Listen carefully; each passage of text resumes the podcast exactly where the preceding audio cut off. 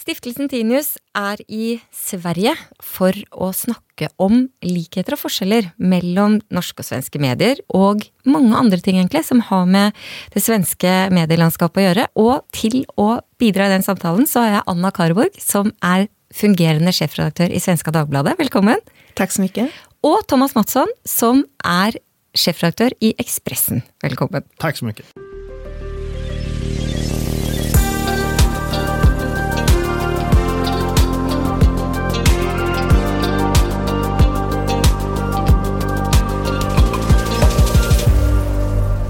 Så må jeg bare hoppe rett uti det. fordi at i Norge så har vi nå skjønt at svenske medier er ganske annerledes enn de norske, og at man har såkalt berøringsangst i de svenske mediene. At det er ting dere syns er vanskelig å omtale like fritt og godt som norske medier gjør. Nå tuller jeg litt, men Anna, er det riktig? Nei, det tycker jeg ikke. Jeg eh, vet at det finns den forestillingen, men jeg tycker nog at den er en del av just en en eh, föreställning. Jag tycker inte att vi eh, har en beröringsskräck. Jag håller med Anna. Jag hör den kritiken också från eh, våra kollegor i Danmark som också tycker att svenska medier undviker svåra ämnen, ofta kopplade kanske till migration och kriminalitet. Men jag tycker att det här är ämnen som bevakas i svenska medier ja, kanske mer idag än tidigare, men har, jag upplever inte att det finns en beröringsskräck faktiskt. Jag, jag tycker att det är lite intressant att den här diskussionen finns. Ja, för då måste jag fråga om det. Varför har vi fått den uppfattningen, tror du? Kanske för att vi har eh, haft lite olika Ehm, utveckling både av vår migrationspolitik och Sverige har kanske också lite senare än både Danmark och Norge fått eh, främlingskritiska missnöjespartier i parlamentet. Och det har man kanske då ehm, försökt förklara med att man i Sverige inte har vare sig journalistiskt bevakat eller diskuterat det här eh, lika öppet som man har gjort i Danmark och Norge. Det kanske kan vara en förklaring. Men dere har ju vil jeg mene helt, er helt riktig, så har jo Sverige mye større integrasjonsutfordringer enn det man har i Norge f.eks., og i Danmark for den del. Men fortsatt mener du at svenske medier har gjort jobben sin? Ja, jeg tror at det er en del av en, en Om man tittar på integrasjon og migration, så tror jeg det er en del av en retorik eh, gentemot medierna. För att beröringsskräck är ju en ganska ehm, eh, kraftig, eh, kraftigt påstående skulle jag säga. Så att, eh, jag, och, och jag skulle också vilja säga att vi har eh, totalt sett i medierna eh, bevakat och, och liksom rapporterat väldigt mycket, inte minst de senaste åren, kring just integration, migration. Jag tror att vi som är publicister i Sverige har lite svårt att förstå den här kritiken från Norge och Danmark och att de som jobbar på de etablerade medierna, som Anna och jag, kanske också kan känna nästan en provokation. För vi är vana att få den här kritiken från det som man i Sverige kallar för hatsajter, alltså främlingsfientliga sajter som med myter och halvsanningar eh, försöker påstå att svensk nyhetsmedia är en del av ett etablissemang som företräder någon sorts mångkulturellt drömsamhälle. Och därför, och därför så vill vi inte rapportera om de egentliga problemen. Den retoriken möter vi, Anna och jag och våra kollegor hela tiden. Och då blir man lite förvånad när faktiskt ganska erkända publicister och och etablerade kvalitetsmedier i Danmark och Norge ibland på kultursidor och ledarsidor för fram samma retorik. Det stör lite grann, tror jag, vår bild av eh, de danska och norska medierna, tror jag. Ja, men precis, jag håller helt med. Men varför tror du det då eh, har dannet sig detta bild, Anna? Men jag tror att det är just, just det här som, som Thomas är inne på. Att vi kan se att det, finns, att det är en del av en retorik och att man liksom hela tiden vill eh, någonstans skynda på. Och, och, jag ska säga i den här utvecklingen så är det ju intressant med de, de sociala plattformarna och nätverken. Där vi ser att just den här typen av hat och hot och polariserande liksom känslor och åsikter eh, gynnas. Jag tycker också att den svenska debatten, man kan diskutera om den är mer intensiv efter den stora så att säga, flyktingströmmen 2015. Och det är den ju förmodligen. Men man måste också komma ihåg att Sverige har ju också tagit emot fler flyktingar under en längre tid. Så att utmaningarna är ju större i Sverige än kanske eh, i våra grannländer. Och ibland så kritiseras svenska medier för att vi inte tillräckligt tidigt och tillräckligt mycket rapporterade om till exempel Sverigedemokraterna och att vi hade en beröringsskräck inför att ens diskutera migrationsfrågan i media. Men samtidigt kan man komma ihåg att det tog ju också flera år innan Sverige fick in ett ska vi säga, rasistiskt eller främlingsfientligt parti i vårt parlament. Så att man skulle kunna hävda tvärtom att den svenska modellen fungerade. Medan den modell som man då, om man nu får säga så, tillämpades i Danmark och Norge gjorde att man där fick in den här typen av partier betydligt tidigare med de konsekvenser som det har medfört. Kanske framförallt i Danmark då. Ja, där är det en större skillnad. Vi ska inte gå nedover den vägen. Men vi har snackat om integration, men så kommer ju då detta med metoo, som eh, nyligen nu i Norge igen har fått stor uppmärksamhet. Hur svenska medier inte klarte att täcka metoo på en tillräckligt tilstrekkelig faglig, rasjonell måte. Så det har jo vært i de fleste medier nå eh, i Norge nylig nye oppslag på dette. Det, har, hører dette med eh, til et bilde hvor man ser for seg eh, svenske medier som annerledes enn de norske, eller var det bare en feil av meg? Nej, men jag tycker att hela den här debatten kring metoo är intressant. Och jag tycker att, jag menar nu hade vi, eh, alltså vi äh, rapporterade mycket om det. Äh, det var en av de, de stora så säga, strömningarna då äh, för ett och ett halvt år sedan i Sverige och internationellt. Det som också har varit och diskuterats nu i efterhand av vissa kritiker eh, så har det handlat om att eh, vi eh, det här, eller vi rapporterade det av, av liksom kommersiella skäl. Och det kan jag säga direkt att det fanns ingen, inget, inget sådant skäl för Svenska Dagbladet i det, hur vi täckte så att säga, och bevakade detta. Sen tycker jag att, att Ehm, det är också viktigt att betona att i hela den här liksom, eh, bevakningen så var det ju inte så att vi släppte allt vind för våg och publicerade eh, rakt av från sociala plattformar, utan eh, det var ju ett, ett journalistiskt arbete som låg bakom och med ansvarig utgivarskap och så vidare. Och sen har det i efterdyningarna så har det uppstått otroligt intressanta diskussioner som vi i allra högsta grad är med och bevakar också.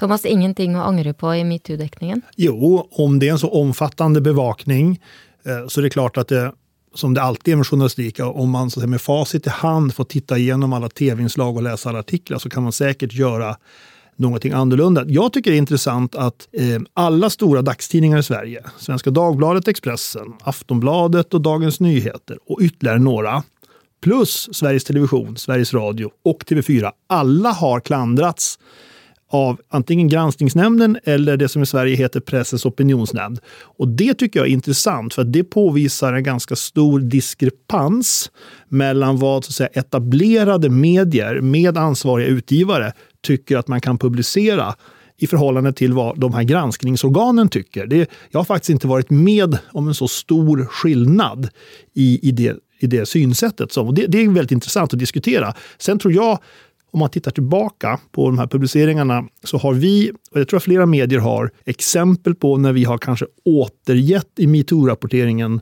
vittnesmål från så kallade upprop. För i Sverige var det ganska vanligt. Det kunde komma faktiskt ett par upprop från olika yrkeskårer varje dag. Och de var ofta anonyma och många medier refererade de här uppropen.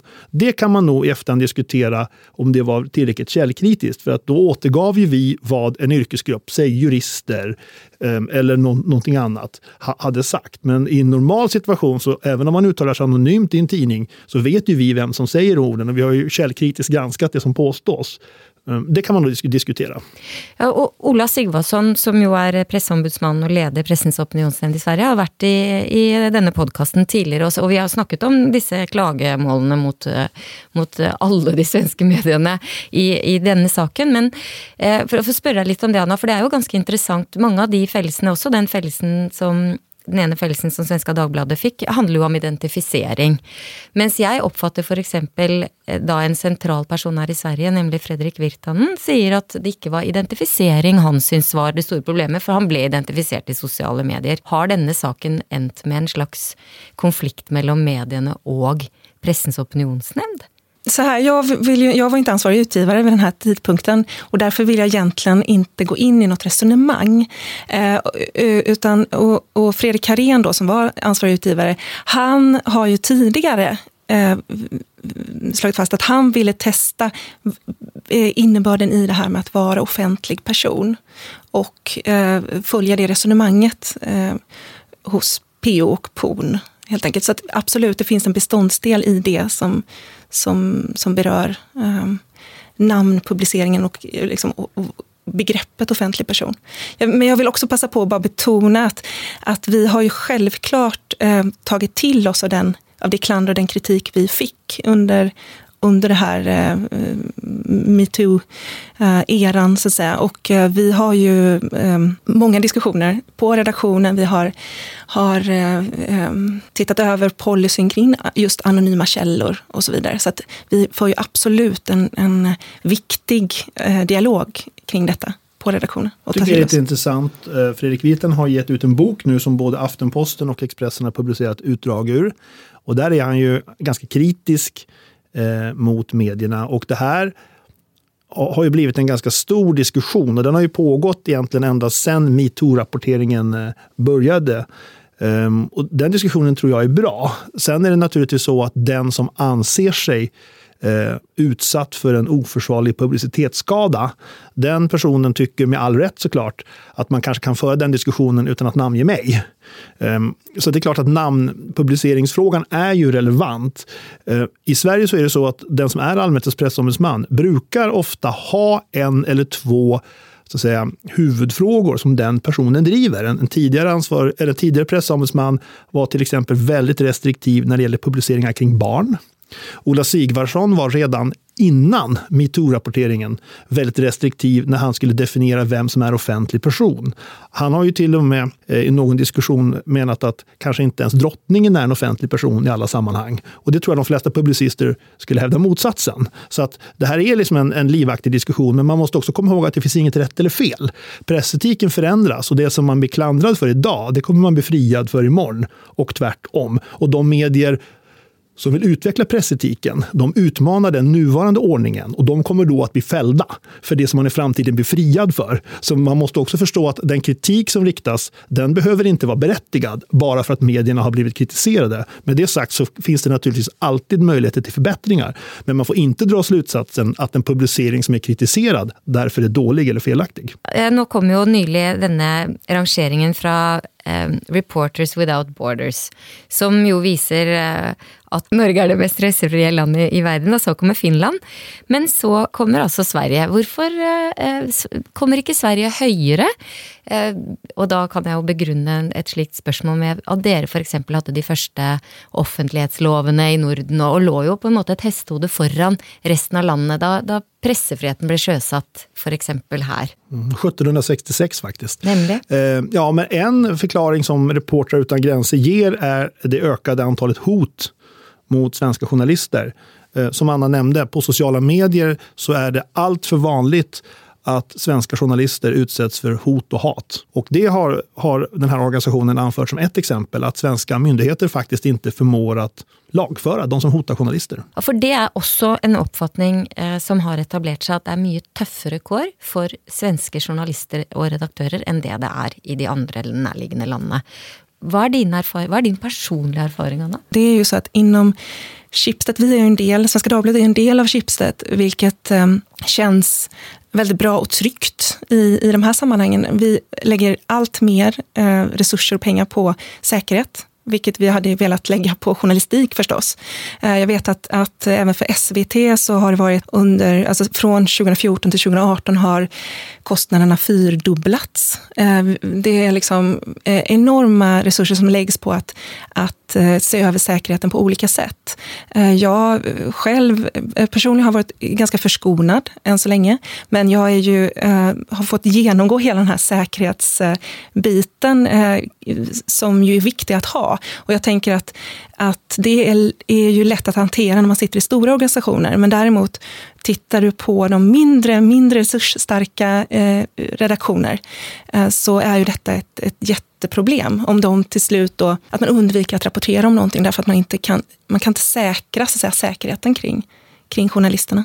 Jag tycker att om man jämför sig med Norge och Danmark Eh, så finns det kritik att rikta mot Sverige vad avser pressfrihet. Om man jämför med en del andra länder som ju fängslar svenska medborgare som Eritrea och, och Kina till exempel, då är pressfriheten ganska stark i Sverige. Men vi har faktiskt de senaste åren gång på gång varit med om att riksdagen har genomfört Eh, Eh, lagstiftning som har försvårat möjligheten att bedriva journalistik. Man har stängt tillgängligheten till vissa register där allmänna och offentliga handlingar inte längre är tillgängliga eh, för journalister. Man har fattat beslut om att man inte får fotografera på sjukhus. Man är i färd att fatta beslut om att man inte ska fotografera i domstolslokaler.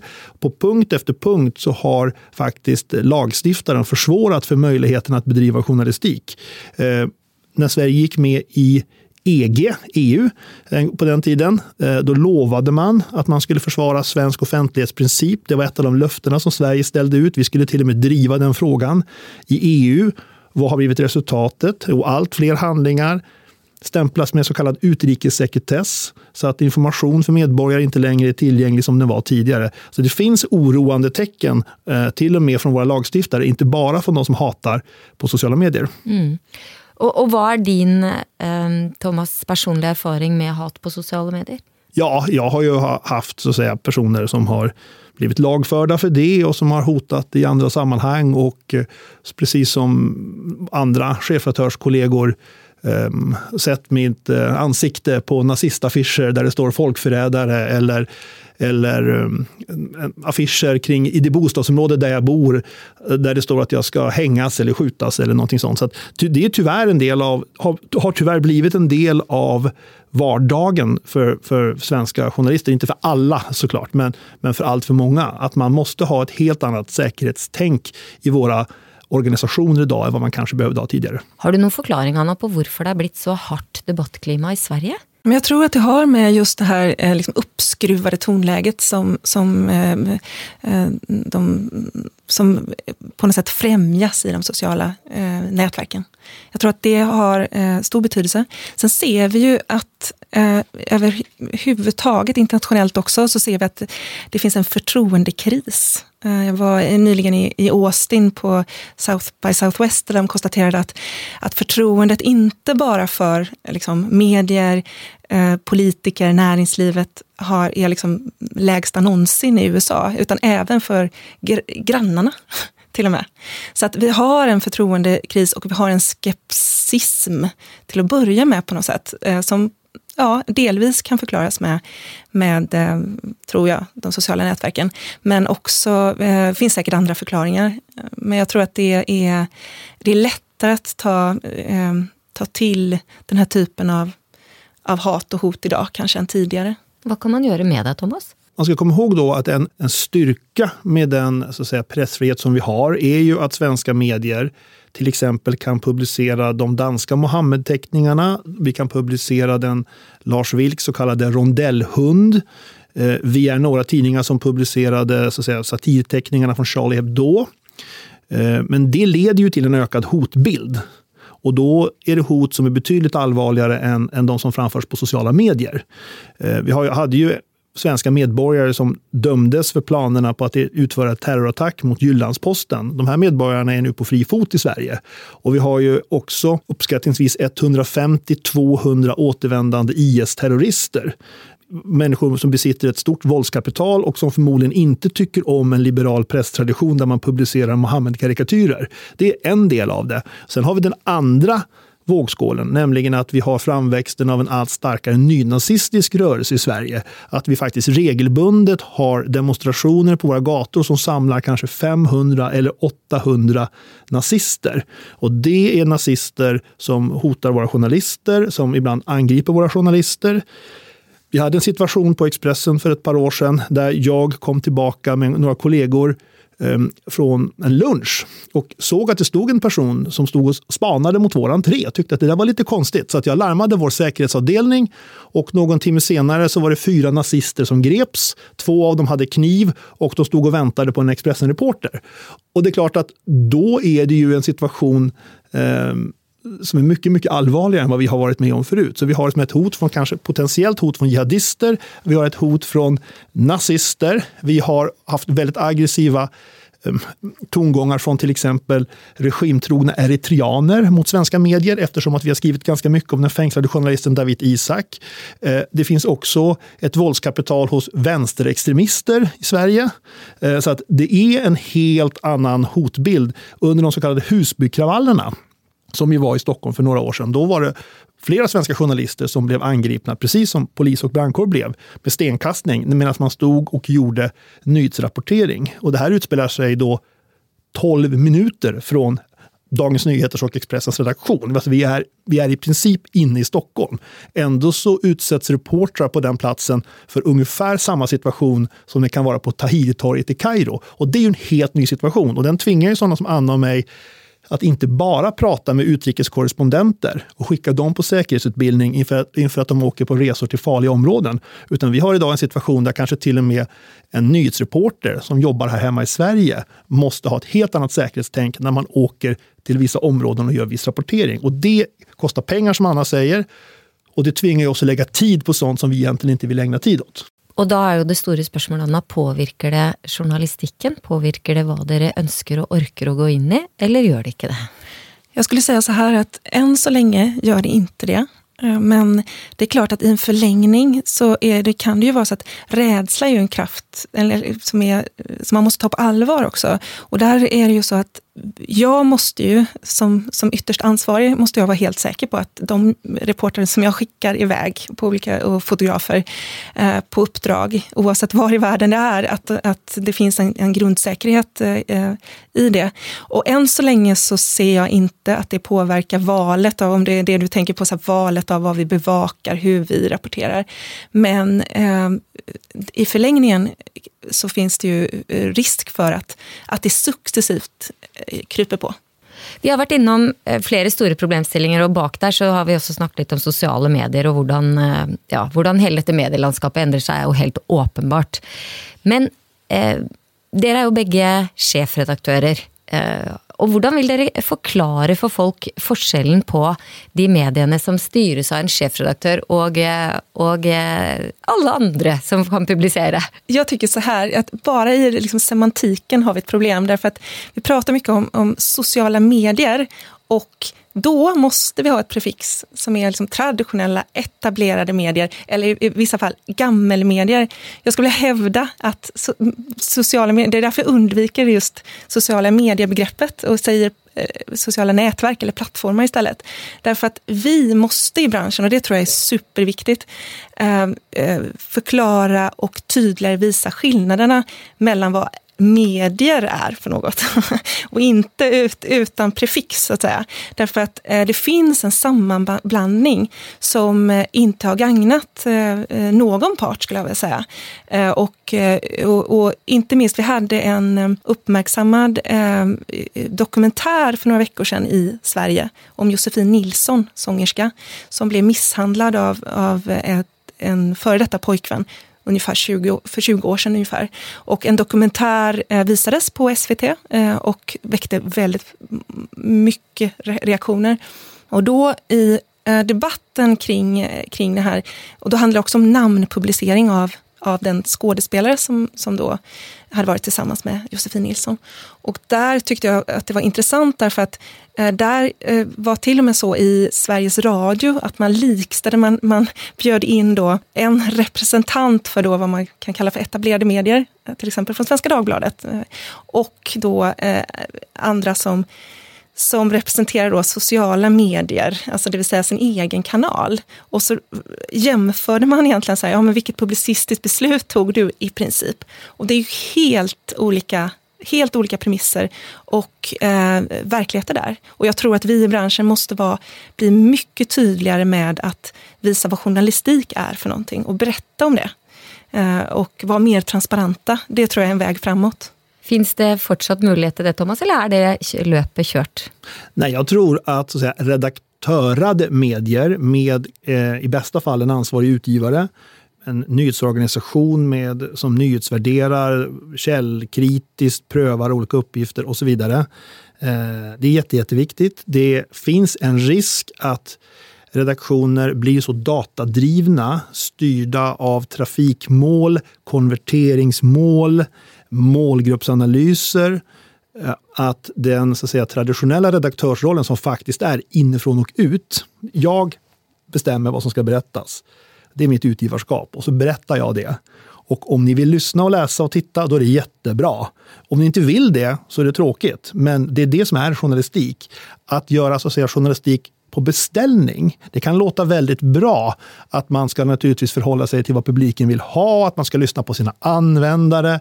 Eh, allt det här låter väldigt, väldigt bra, men det finns en risk när så att säga, journalistik blir som en beställd produkt av den som vill konsumera den. Jag vill säga en sak till. Här finns det också andra utmaningar som vi kommer stå inför de närmaste åren, för då kommer de etablerade medierna i högre grad än tidigare jobba ännu mer med algoritmer, med personalisering, med kanske AI-styrda publiceringar, med robotjournalistik anpassad för användaren.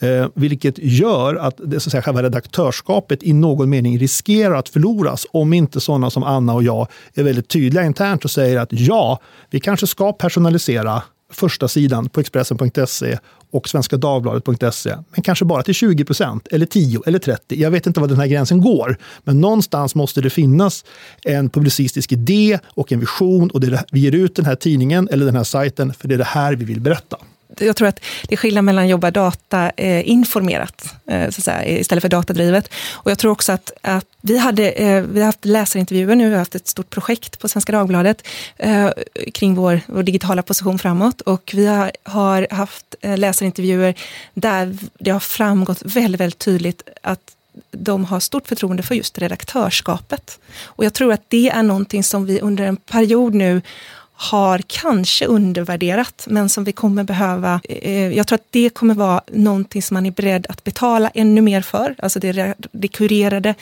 det är just det här redaktörskapet och det menar jag måste vi bli tydligare med vad det innebär. Jag tycker det är lite intressant med, om man drar en parallell till en helt annan bransch, eh, om vi tänker oss eh, livsmedel och matutbudet eh, som vi hela tiden ställer, ställs inför och, och måste ta val. Där har ju eh, livsmedelsbranschen under lång tid förstått att man, man genom att liksom berätta om hur den här kossan levde, som du ska äta, och, och liksom hela processen fram. Det är ju heller ingen slump hur en livsmedelsbutik är möblerad, utan den är ju så att säga redigerad när jag kommer in i butiken så ska jag först passera kanske drycken och sen så passerar jag mjölkdisken och sen så kommer grönsakerna, sen så kommer frysvarorna sist. Och det är upplagt som en snitslad bana där jag som konsument kanske vet att jag ska köpa en eller två produkter, men jag plockar på mig några till. Och lite grann så är det nog med redaktörskapet, att om man skulle algoritmstyra en eh, livsmedelsbutik efter tidigare konsumtion, då skulle det stå en färdigpackad kasse när jag kom dit med de här två produkterna som jag vill ha och jag skulle inte köpa något mer.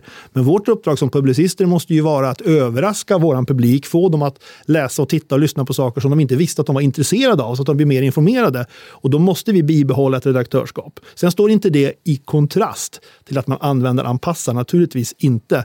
Eh, vi editionerar ju våra tidningar och har gjort det i många, många år. Kvällstidningarna gör i Sverige lokala löpsedlar för att attrahera en viss publik och så. Men i huvudsak så måste vi försvara de, redaktion, de redigerade medierna. Så bra. Jag, liker gott att vi avslutar nu med en hyllest till den sterke och tydliga och gode chefredaktören, för de kan vi inte få nog av, tänker jag. Da.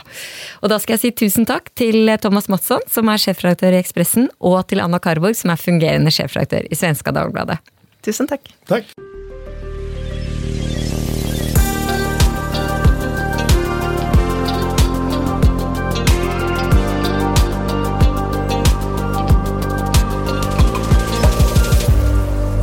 Denne podkasten er produsert av Hansine Korslien for Stiftelsen Tinius.